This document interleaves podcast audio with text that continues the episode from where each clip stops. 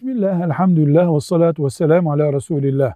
Müslüman bir ailenin, babanın özellikle çocuğunu camiye alıştırması kadar tabii bir görevi yoktur. Sosyal açıdan baktığımızda evde başka görevler var şüphesiz ama bu kundaktaki çocuğu camiye getirmek demek değildir. Bir çocuk şurada otur yavrum, şimdi ayakta dur, şimdi şu tarafa dön, şimdi şu amcanın yanına git dendiğinde anlayabilecek, idrarını camiden çıkıncaya kadar tutabilecek yaştaki çocuklar camiye götürülmelidir. Bebekler götürülmemelidir.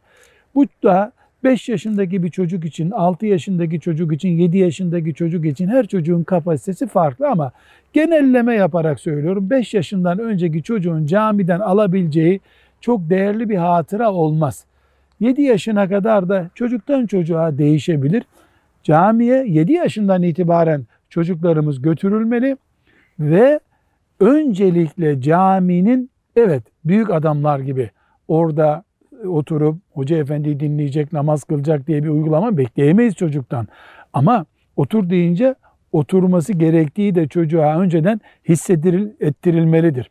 Bu çok önemli bir görev ama gerek o babanın, camiye götüren babanın ve dedenin ve gerekse cami görevlilerinin ve gerekse ihtiyarların, camide namaz kılanların camide yaramazlık etti diye çocukları azarlaması abes bir iştir en iyi ifadeyle. Asla doğru bir hareket değildir.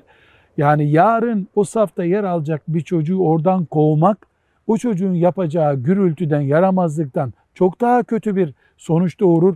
Allah muhafaza buyursun. Bir de çocukları camiye getirip bali olmamış çocukları imamın arkasına, safın ortasına koymanın da bir manası yok. Baba safın en sonunda namaz kılmalı. Yani cama yakın bölgesinde sağında ve solunda. Çocuğunu da en arkasına koy. Yani çocuğu mesela en sağda namaz kılıyorsa baba çocuğu da sağına koyduğunda hem çocuk kontrol edilmiş olur hem kimsenin namazına da sakınca getirmemiş olur. Bu tip tedbirler almakta fayda var. Velhamdülillahi Rabbil Alemin.